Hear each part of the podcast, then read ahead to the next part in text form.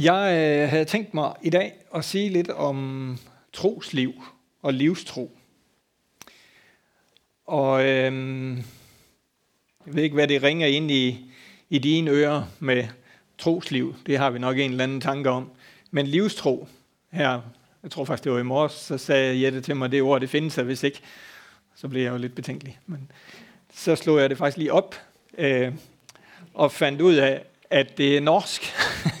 på norsk kan man godt sige livstro. Man kan ikke rigtig, det findes godt nok ikke i den danske, så vidt jeg kunne se i hvert fald. Så det skal vi prøve at udfolde lidt. Hvad er trosliv, og hvad er livstro? Og det skal være sådan lidt et forsøg på at sige lidt om, hvordan vores liv spiller ind i vores tro, og hvordan vores tro spiller ind i vores liv. Fordi hvad, hvad er sammenhængen i de to ting egentlig? Hvad påvirker hvad? Og så som de gode radikale danskere vi er, så siger vi jo selvfølgelig, at det går begge veje. Og så har vi ligesom løst den. Og det tror jeg også, at det gør. Øh, og jeg tror faktisk, det er meningen, det skal gøre det. Men alligevel så har jeg lyst til at prøve at sætte nogle tanker på, og nogle ord på, og øh, lidt ud fra Bibelen på, hvad er, hvad er de her to begreber, og hvordan øh, forholder de sig til hinanden, kan man sige. Vi skal starte i Apostlenes Gerninger, kapitel 18, og vers 1-4. Apostlenes Gerninger, kapitel 18, og vers 1-4. Der står, Derefter forlod Paulus Athen og rejste videre til Korinth. Der traf han en jøde, som hed Aquila.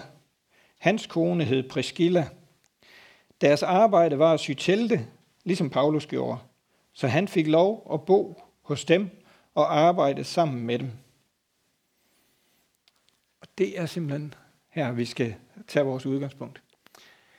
Øh, Paulus var teltmager, og det er egentlig det, vi skal finde ud af, ud af den lille afsnit her, eller ud af det lille afsnit her. Øh, han kom fra Athen til Korinth, og der mødte han nogle mennesker, og han mødte nogen, der havde det samme erhverv som ham selv.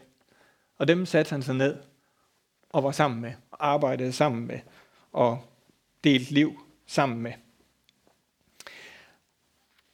Og hvad var det egentlig, han gjorde her, Paulus? Han brugte sin, sit erhverv, det han var god til, det som var givet ham, øh, til at skabe den her kontakt.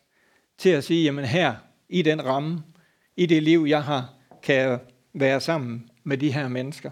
Og så arbejdede de sammen. Så havde de et fællesskab omkring arbejdet, og de havde også et fællesskab omkring deres tro.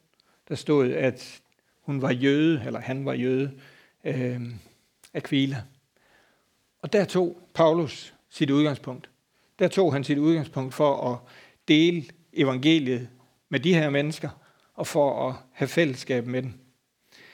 Øh, og faktisk så var han der, Paulus, i et helt år, og grundlagde den her menighed, hvor han arbejdede sammen med de her mennesker.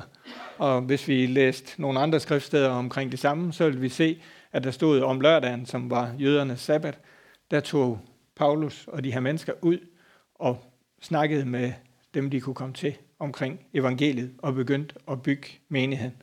Tog ud til templet, hvor jøderne samledes, og der delte det, som Paulus han kom med. Øhm, og det her tidspunkt i Paulus' liv, det var jo efter han havde mødt Jesus på Damaskusvejen. Efter at han var blevet stanset og havde fået sit møde med Jesus der.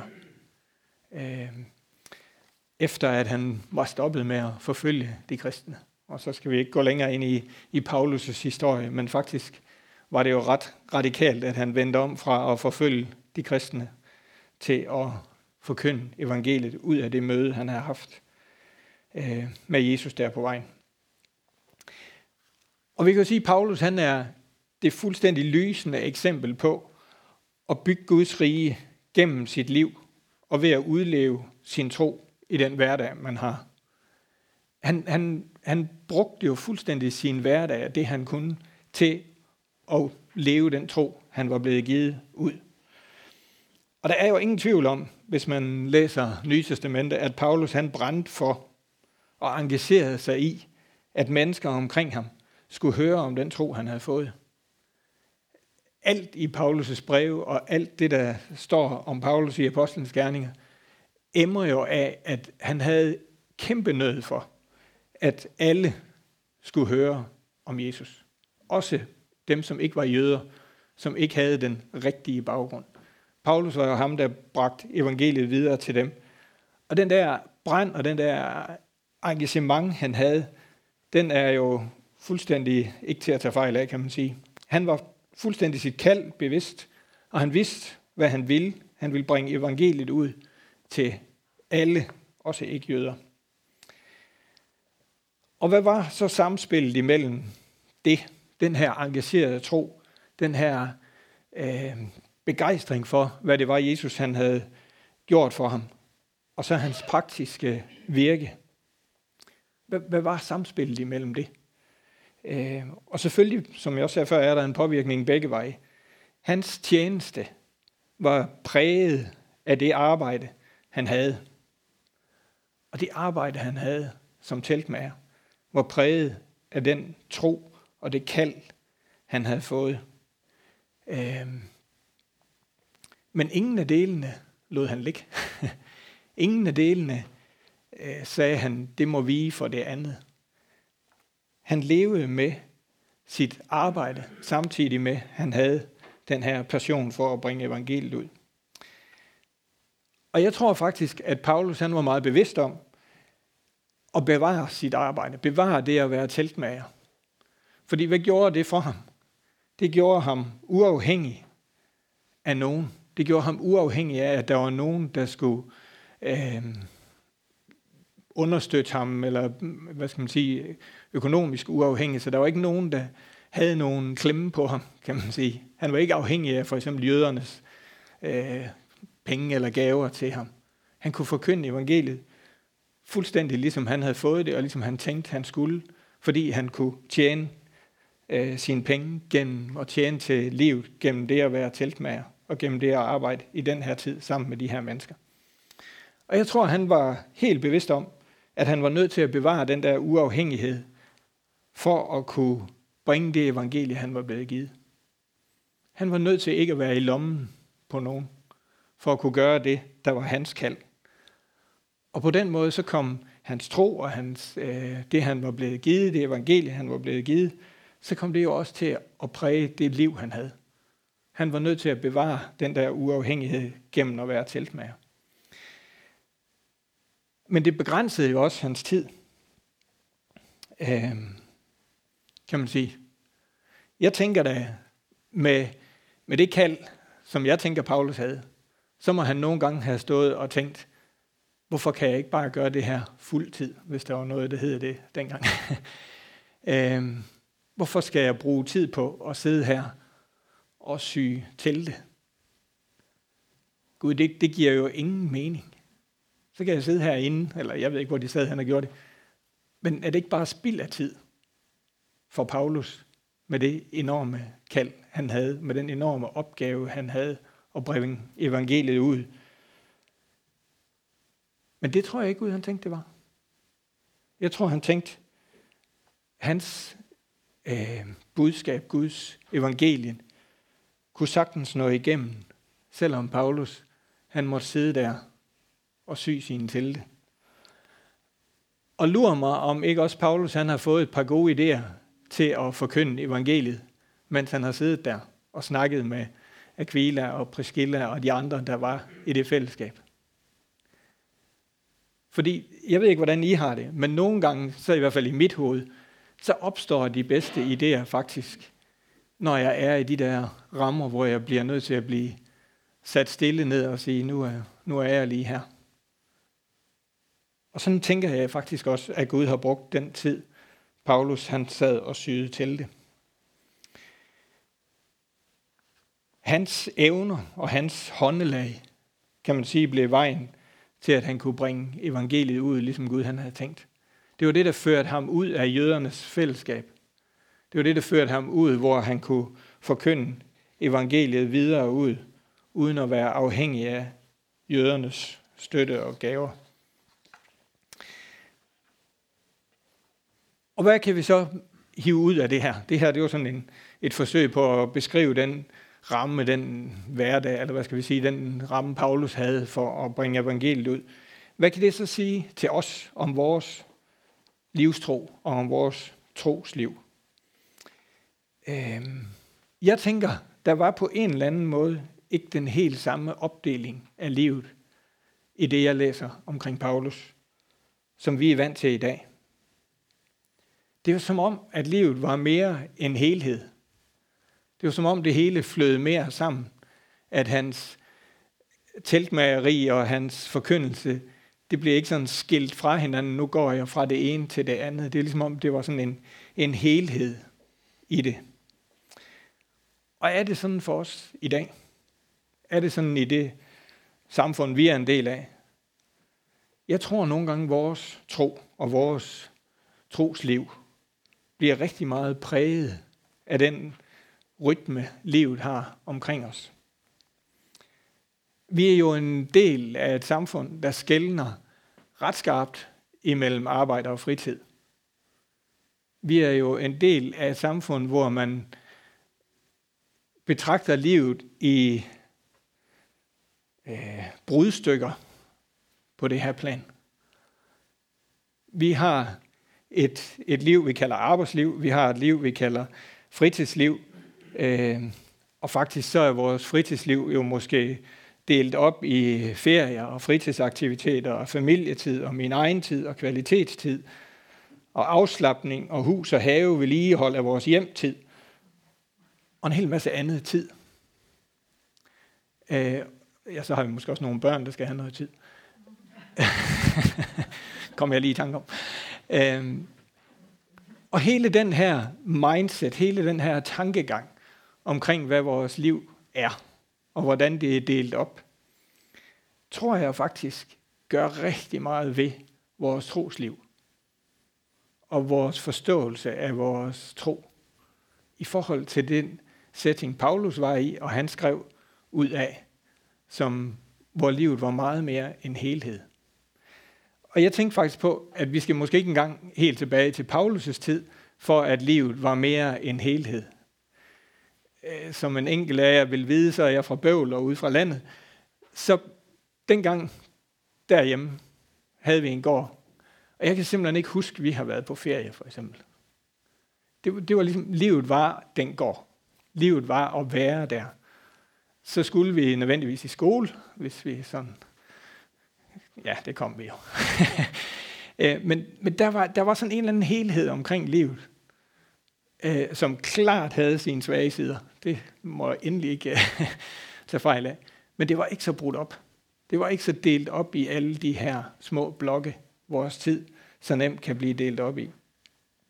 Og på en eller anden måde, så tænker jeg faktisk, at der var nogle ting, der var nemmere ved, at det var sådan.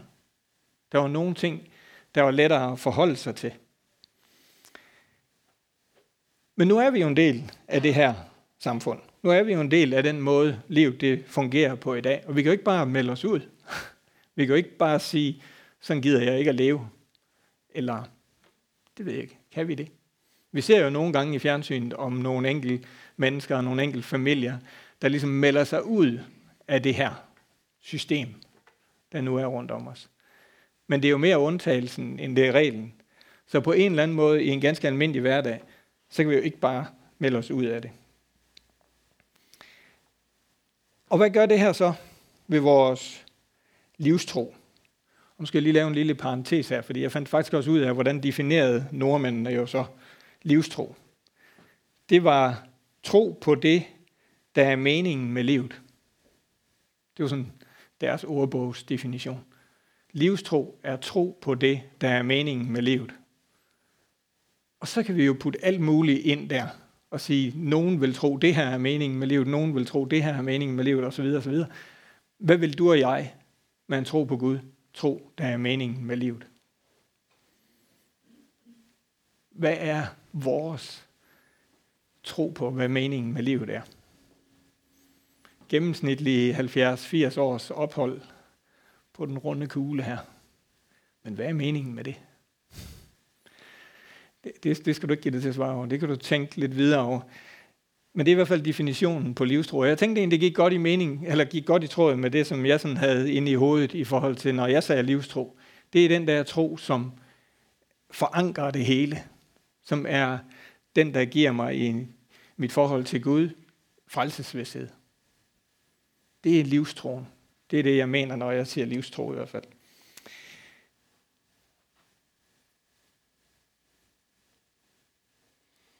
Og kan vi så med den virkelighed, som jeg prøver at beskrive, vi har her i 2019, tænke ligesom Paulus? Kan vi tænke, at vores trosliv udfoldet i de rammer, vi har, som Paulus udfoldede dem som teltmager, kan, kan gå i hånd i hånd med den her livstro, den her mening med livet? Og nu skal jeg så prøve at bruge min lille opstilling herop. Øhm, og det er sådan en af de illustrationer, som... Øh, jamen, jeg ved ikke, nu skal jeg prøve ikke at pille, pille hvad hedder sådan noget, værdien ud af min egen illustration, men alligevel så, så vil jeg gerne have, at du tænker, det her det er et meget spæd forsøg på at give en, en, et billede af det, jeg egentlig prøver at sige. Så hvis, hvis du kan lægge til det her billede, hvis du kan sige, jamen det kunne også være sådan her, eller der er også den her side af det, og Svend, du har også glemt det her, så, så, så skal du endelig gøre det. Jeg tænkte sådan lidt på derhjemme, det svarer til at tage et endimensionelt billede af et eller andet, og så er der jo en hel masse bagved, som du ikke kan se. Og det er som du skal prøve at forstå, det her billede. Øh, og så har jeg vist taget effekten nok ud af det. Det jeg tænker, det er, at nu skal den helst blive siden deroppe. Den gule snor deroppe, det er, det er Gud. Det er der, vi er forankret. Det er der, vi har vores forankring, vores frelsesvidshed bunden på. Øh, der står et eller andet sted, at vi skal have vores anker i himlen, og det er sådan lidt det, vi har her. Den her, det er vores livstro. Det er den livstro, den tro, vi har, der forbinder os op til Gud. Nu ved jeg ikke, om I alle sammen kan se, der er sådan noget malertape på gulvet her. Det er så vores trosliv. Hernede. Målet er derover, kom derover, at jeg holder min 80 år, eller hvor længe jeg nu har. Ej, jeg skulle helst have lidt længere ifølge Jette. ja, ja. Det skulle gerne få mig derover. Og så, så kan jeg jo vælge at sige, jamen, jeg kan jo se vejen hernede, og jeg kan jo bare gå efter den, og jeg kan jo holde fast i min livstro, og det går egentlig rigtig fint. Indtil jeg kommer her til, hvor der så sker sådan en en deling af vejen. Mit liv, det kan gå den vej, og det kan gå den vej derover. Og lad os nu bare antage, at jeg vælger at gå den her vej. Fordi jeg kigger herned, ser hvad der ligger foran mig, og så på et eller andet tidspunkt, så bliver den for kort. Nu tror jeg ikke at rykke så hårdt i den, for den er sat frem med malertape heroppe. Det er jo det, der sker, hvis jeg vælger den løsning. Hvis jeg vælger den løsning, der hedder at kigge herned og følge det, jeg kan se foran mig. Men jeg kan også vælge at leve mit trosliv ved at kigge opad i stedet for.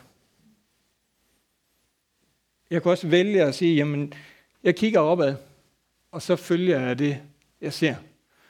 Og så kan det godt være, at jeg er nødt til at kigge ned en gang imellem, for at blive på den her. Men ved at blive ved med at kigge opad, så kan jeg jo se, at jeg skal derhen kan jeg se, at jeg skal holde fast i den her for at nå derhen. Og så kan det godt være, at den tager nogle sving en gang imellem, og jeg kommer lidt ud af kurs.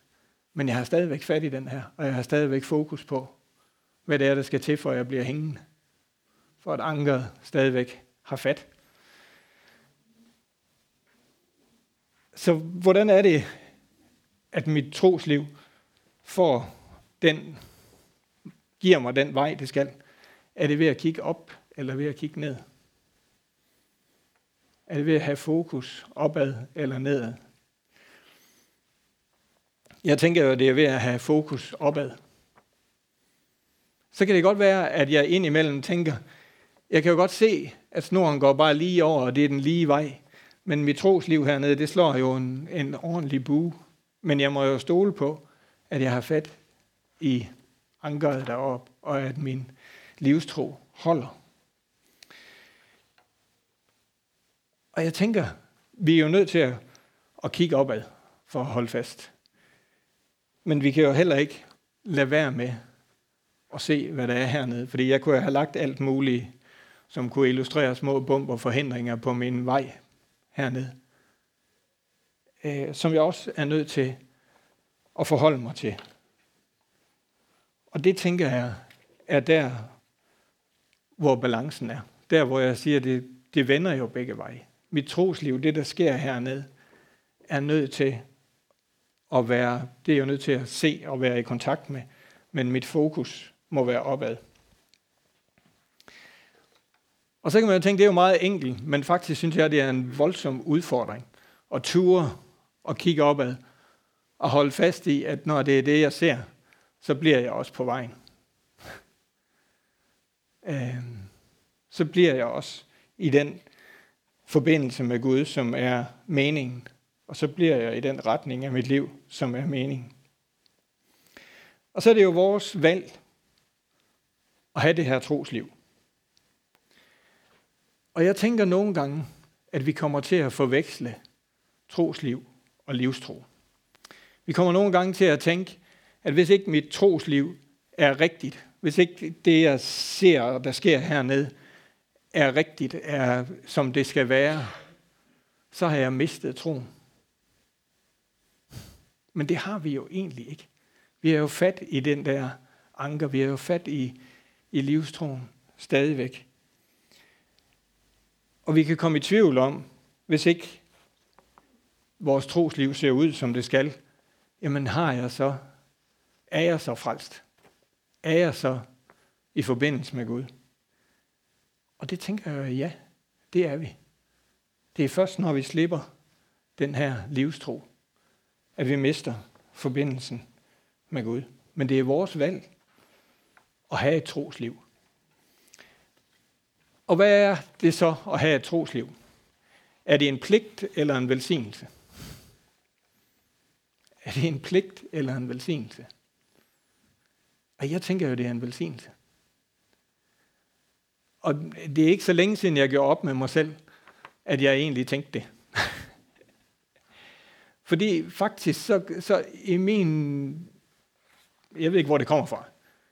Men der, der, der har jeg sådan haft lidt fornemmelsen af, at det er sådan en... Jeg har pligt til at have det her trosliv. Jeg har pligt til alle de her ting, man nu skal for at have et trosliv. Og først dengang det gik op for mig, jamen hold da fast, troen er en gave, og lige så vel er mit trosliv en gave. Det er der, jeg kan få lov til at få en hel masse velsignelse. Så egentlig er mit trosliv ikke så meget for Guds skyld, som det er for min skyld. Det, det var i hvert fald sådan lidt en tanke, jeg gjorde mig, som gjorde et eller andet ved min lyst til at have det her trosliv. At det flyttede sig fra pligt til velsignelse. Og så er det jo dit og mit valg, om vi vil, vi vil have det trosliv. Det er dit og mit valg, hvordan det trosliv skal se ud. Øh, hvad, hvad, hvad skal der til, for vi kan sige, at vi har et, et trosliv? Er det bøn, bibellæsning, fællesskab med hinanden?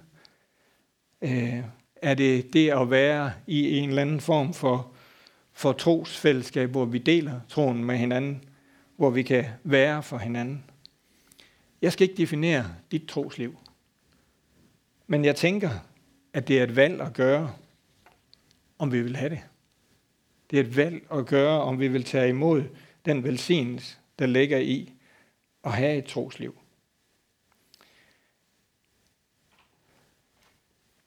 Og så tænker jeg lidt, hvis vi vælger at sige, jamen, øh, jeg kan godt nøjes med den her livstro jeg, bare jeg har fat i, i den her livstro, så behøver jeg ikke at, at bekymre mig om det der trosliv.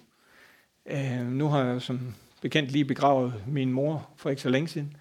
Og hvis jeg skulle sætte et, et stempel på hendes tro, så var det den tro her. Jeg har aldrig oplevet, at vi havde sådan, hvad vi vil kalde trosliv derhjemme. Men jeg var helt sikker på, at hun havde et eller andet livstro. Hun havde fat i den her. Men hold da fast, hvor jeg også tænkte på bagefter, hvor gik hun meget glip af meget velsignelse fordi hun ikke valgte at føre det ud til et trosliv. valgte at gøre det, den livstro, hun havde, aktiv igennem et trosliv. Og vi kunne måske sammenligne det lidt med at sige, jamen, øh, jeg kan cykle, selvom der nok er nogen i min familie, der siger, det bruger du ikke ret meget. Men jeg ved, at jeg kan cykle. Det ved jeg simpelthen, jeg kan. Og jeg kan kun hver tid gå ud og pumpe luft i min cykel, og så cykle en tur. Men jeg kan også vælge at lade være. Og sådan er det også med vores, vores tro og vores trosliv. Jeg ved, jeg har fat i Gud. Jeg ved, jeg er forankret i Gud. Jeg ved, jeg har en tro. Vil jeg så bruge den? Vil jeg så gøre den aktiv? Billedet igen. Jeg ved, jeg har en cykel, og jeg ved, jeg kan cykle. Men det er op til mig at gøre det. Og det tænker jeg også er op til os med vores tro og vores trosliv. Vil vi sætte i gang? Vil vi gøre brug af den? Vil vi se, hvad det er, der sker, når vi så sætter os på cyklen, og så ender et eller andet sted hen? Begynder at køre i en eller anden retning? Begynder at gøre noget? Det er jo ikke altid, når vi tager cyklen, at vi ved, hvad der så sker på den cykeltur. Det kunne være, der blev modvind, eller det kunne være, at vi kørte i grøften, eller et eller andet. Så der er jo en vis risiko ved at sætte det i gang. Der er jo en vis risiko ved at, at begynde at have det her trosliv. Det kunne jo være, at vi blev stillet over for valg og velsignelser og udfordringer, som vi ikke på forhånd kunne se. Og hvor er der så nogle eksempler i Bibelen på det her trosliv? Ja, det er der helt sikkert mange steder, og der kan du igen tænke med selv. Men der er i hvert fald et sted, som jeg tænkte på, og det var israelitterne, da de gik ud i ørkenen. De havde jo en fast forankret tro på Gud. Det er der slet ikke nogen tvivl i. Den blev rystet igen og igen. Men de havde den der sky foran dem, og de kunne følge, og de øh, fik velsignelserne for Gud i forhold til det, de skulle bruge. Ikke også? Og så vandrede de rundt derude i deres tro i de der 40 år. Og jeg tænker nogle gange, hvis man kigger på et landkort, hvor de vandrede rundt, så må de indimellem have været ude ved kanten af den der ørken. Og jeg tænker lidt, kan vide, hvad de så der? kan vide, hvad de, hvad de kunne kigge hen til? Ørkenen havde jo ikke sådan en mur rundt om sig, så de var lukket inden der. Dybest set, så havde de vel indimellem valget at følge skyen, eller kigge over, you name where, hvor kunne de kigge hen, hvis I kan jeres geografi. det skal jeg ikke lige kan sige. Men jeg tænker, de må indimellem have været der ved kanten. Været der, hvor det var et valg for dem at følge den livstro, som de nu havde, og som var udtrykt igennem skyen, og hvor Gud sagde, jamen, I følger bare skyen. Det er ikke jer, der skal kende, hvad retning, eller hvad snørkelveje den nu tager. Og sådan tænker jeg også, at du og jeg indimellem bliver udfordret i at stå i situationer, hvor vi kan kigge et eller andet sted hen og sige, jamen, hey, hvis jeg bare gik derhen, så ligger millionen jo lige for næsen af mig. Men hvis jeg skal blive ved med at have fat i snoren, så kan jeg ikke det. Hvis jeg skal blive ved med at være på den vej, Gud han ønsker mig at være, eller ønsker, jeg skal være på, så kan jeg ikke bare gå derhen, selvom jeg kan se det der, det der oplagt meget enklere. Eller nogle gange må de jo have stået derude i ørken, og der har været områder i det ørkensand der, som har været umuligt for dem at komme frem i. Øh, og Gud har ledt dem udenom. Men de må da have tænkt, ah, bare lige vi stikker over der, så var det da meget nemmere.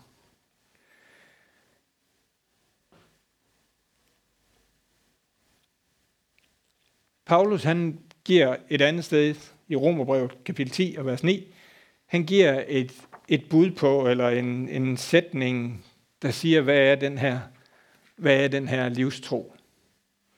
Øhm, Og det siger sådan her. For hvis du med din mund bekender, at Jesus er Herre, og i dit hjerte tror, Gud har oprejst ham fra de døde, så skal du frelses. Og jeg tænker, så enkelt udtrykker Paulus det. Hvis vi, hvis vi bekender med vores mund, at Jesus er Herre, og i vores hjerte tror, at Gud han har oprejst Jesus fra de døde, så har vi fat i, i snoren derhen. Så har vi fat i snoren. Og jeg tror, at Paulus han, han, han, han prøver at give udtryk for, det er ikke alt det, der sker hernede, der frelser os. Det er en del af det. Det er en, en del af velsignelserne ved at have den der livstro. Men holder vi fast i Gud, holder vi fast i den bekendelse, som stod her, så har vi fat i snoren. Og lad os ikke forveksle trosliv og livstro. Fordi hvis vi gør det, så tænker jeg, at trosliv bliver til lov. Så bliver trosliv til noget, vi skal præstere for at holde forbindelsen til Gud. Så bliver trosliv til noget, vi skal præstere. Så bliver det til den der pligt i stedet for velsignelsen. I forbindelse med det her vers, der var en, der skrev, med det vers er det vigtigt for Paulus at understrege, at det er troen, der fører til frelse, og ikke det at gøre bestemte ting rigtigt. Tro er Guds gave, som gives af noget og ikke af fortjeneste. Troen på, Jesus er Herre, og Gud han oprejst ham fra de døde. Den tro kan vi ikke præstere. Den kan vi blive givet af Gud. Så hvad skal min udfordring være? Det skal være, at vi tør leve i et samspil imellem livstro og trosliv. At vi tør sige, at hele vores liv er vores trosliv. Ligesom Paulus han gjorde. At vi tænker over, at vores trosliv ikke er defineret af bestemte tidspunkter, eller bestemte dage i ugen, eller bestemte situationer men at det er det hele. At det er det hele, ligesom, ligesom Paulus levede sin tro ud hele vejen igennem, selv ved at sidde sammen med de der mennesker og syge til det. Jeg tror, han troede fuldstændig lige så meget om tirsdagen sammen med dem, som han gjorde om lørdagen, når han stod nede i templet og fortalte dem, der ville høre på ham, om Jesus. Hans, hans, hans trosliv var det samme. Hans livstro var den samme. Og jeg tror faktisk, der ligger rigtig meget velsignelse for os i, hvis vi kan, hvis vi kan undgå at dele vores tro op i de her tider, som vi nu deler resten af vores liv op i. Vi kan undgå at dele det op til at sige, det er her, det foregår. Det er på det her tidspunkt. Men jeg vil også virkelig medgive, at jeg synes, at med den måde, vores samfund og vores liv bliver bygget op på, så kan det være rigtig, rigtig svært. Det kan være rigtig, rigtig svært at holde den der helhed i livet. Både med vores tro, men det kan det jo også sådan rent generelt. At vi ikke hele tiden switcher fra det ene til det andet til det tredje. Ja, vi skal bede sammen. Far i himlen, tak fordi at vi har fået lov til at få gaven tro fra dig her. Tak fordi at du har givet os den gave her. Givet os det at kunne holde fast i, blive forankret i dig her. Far, tak fordi at vi også kan få lov til at vide, at vi kan gå livet igennem med den tro, og at det går an at leve den ud igennem et trosliv her. Far, tak fordi, at du også vil hjælpe os tilbage, når vi pludselig tager vores egne beslutninger og går i vores egne retninger her. Far, hjælp os til at, at vende tilbage igen til dig. Vend tilbage til velsignelsen i at leve et liv i tro sammen med dig, far.